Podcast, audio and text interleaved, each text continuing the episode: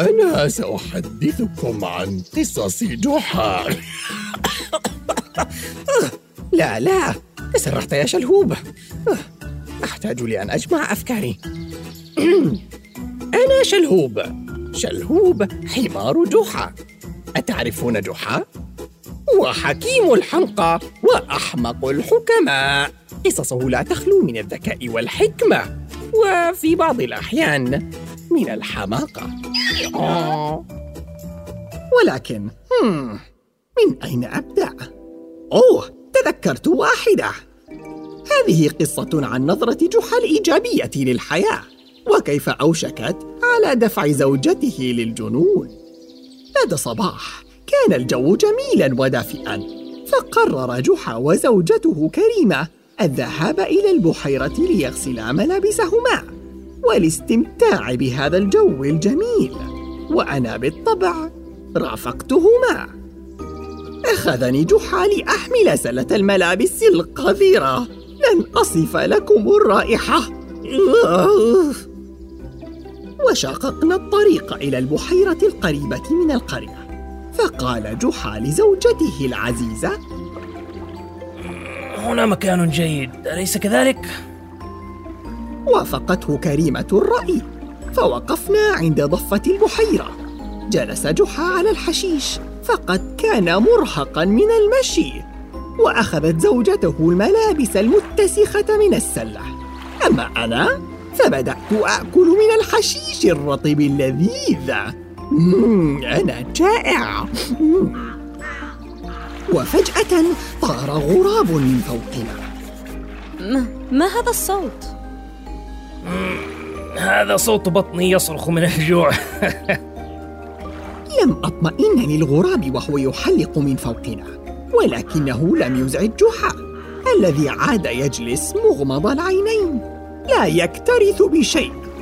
وكريمة تغمس الملابس في البحيرة وتفركها بالصابون فلم تلاحظ الغراب يقترب. حاولت لفت انتباه سيدي الكسول ولكن فتح جحا عينا واحدة ثم أغمضها. وحلق الغراب وطار أقرب وأقرب. ثم هبط ونظر إلي من طرف عينه واقترب من الصابون. ثم نقرها وطار بها ولاحظت كريمة الجريمة الكريهة فقالت لقد سرق الغراب الصابون يا جحا. نظر جحا إلى السماء ثم إلى زوجته.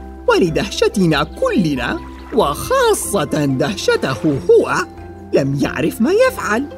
قد طار الغراب بعيدا وكان جحا قد جاع جوعا قاسيا وأراد العودة إلى القرية.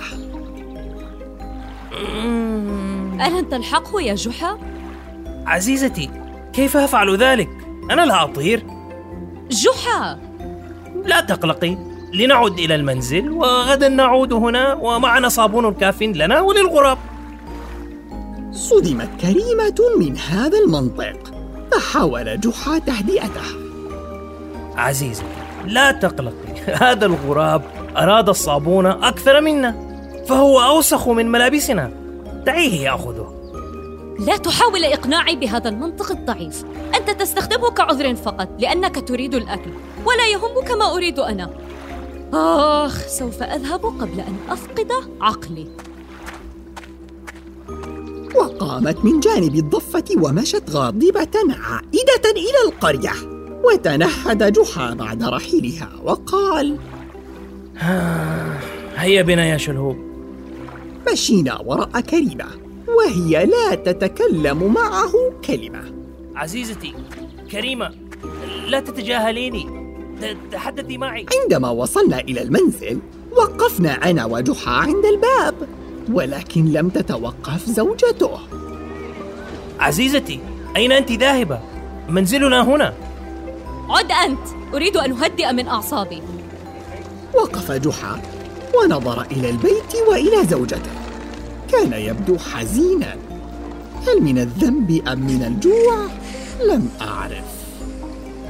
سنموت من وحش الجوع يا شلهوب آه من الجوع إذا. ووافقت جحا الرأي. فكل ما أكلته كان الحشيش من جانب الضفة. حسنا هيا لنتبعها. فمشينا بين الحواري وراء كريمة. إلى أن دخلت كريمة متجر الخباز. فدخل جحا وراء زوجته وأخذ نفسا عميقا. فكانت رائحة الخبز الساخن شهية جدا شممتها من الخارج.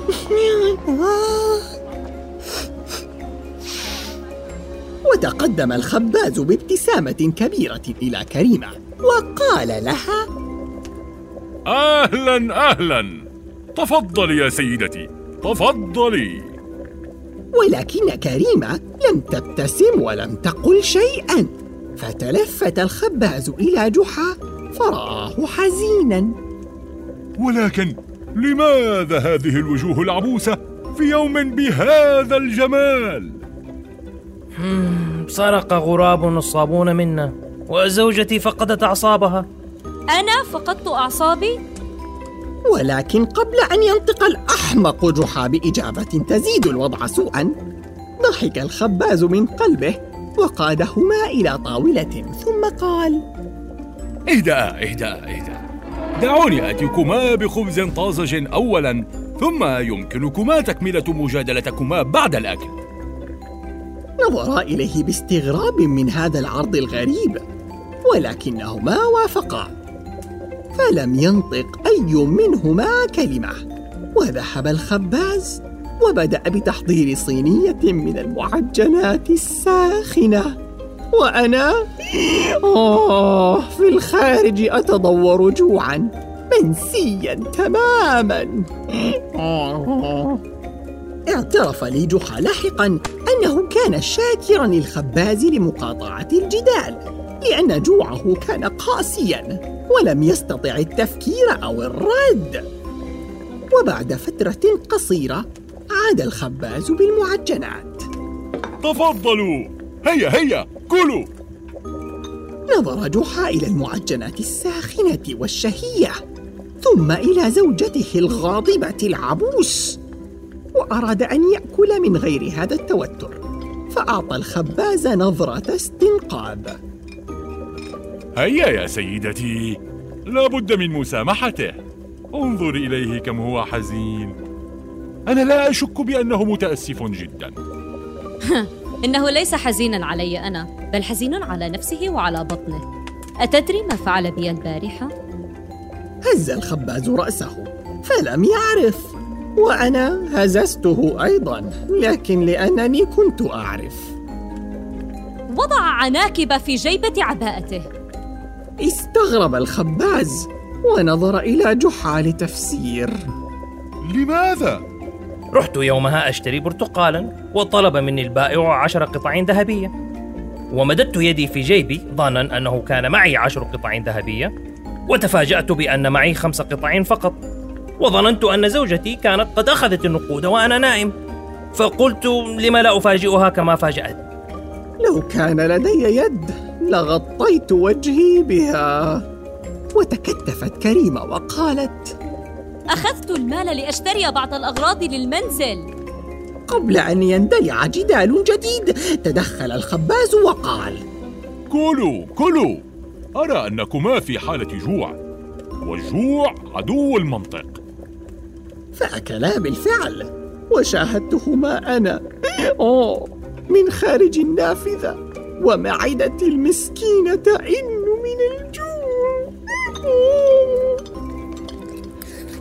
جلس جحا وزوجته. وعم الهدوء بينهما وهما يأكلان المعجنات اللذيذه وعند انتهائهما من الأكل ابتسم جحا وابتسمت كريمه فبالفعل نجح الشبع في تهدئة أعصابهما. ثم قال جحا أنا آسف. اتسعت ابتسامة كريمة. وأخيرا انتهى الخلاف ما بينهما. ثم شكر الخباز على لطفه ومشيا في الزقاق باتجاه المنزل. وفي الطريق وقف جحا عند متجر اللحام وقال لزوجته مم، كم أنا شبعان ولكن الشبع بداية جوع. ما رأيك ببعض الكباب؟ مم، حسنا ولكن لا أعرف كيف أعدتها. لا تقلقي. دخل جحا متجر اللحام. واشترى نصف كيلو من اللحم وسأل أحد الطباخين عن طريقة إعداد الكباب.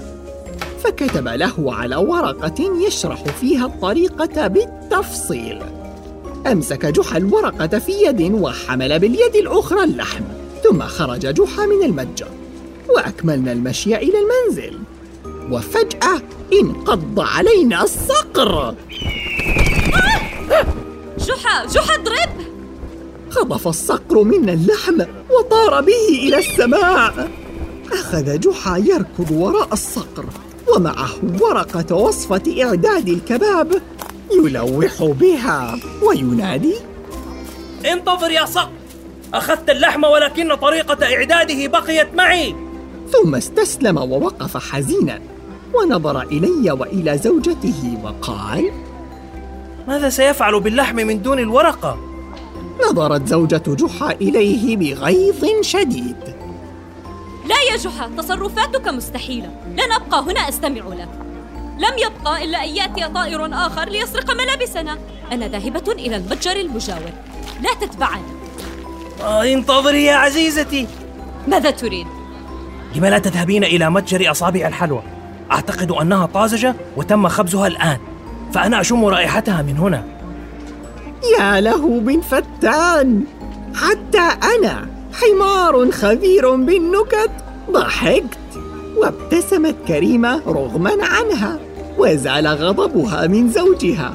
فهو يحاول دائما النظر إلى الجانب الإيجابي من الحياة وخاصة في المواقف الصعبة.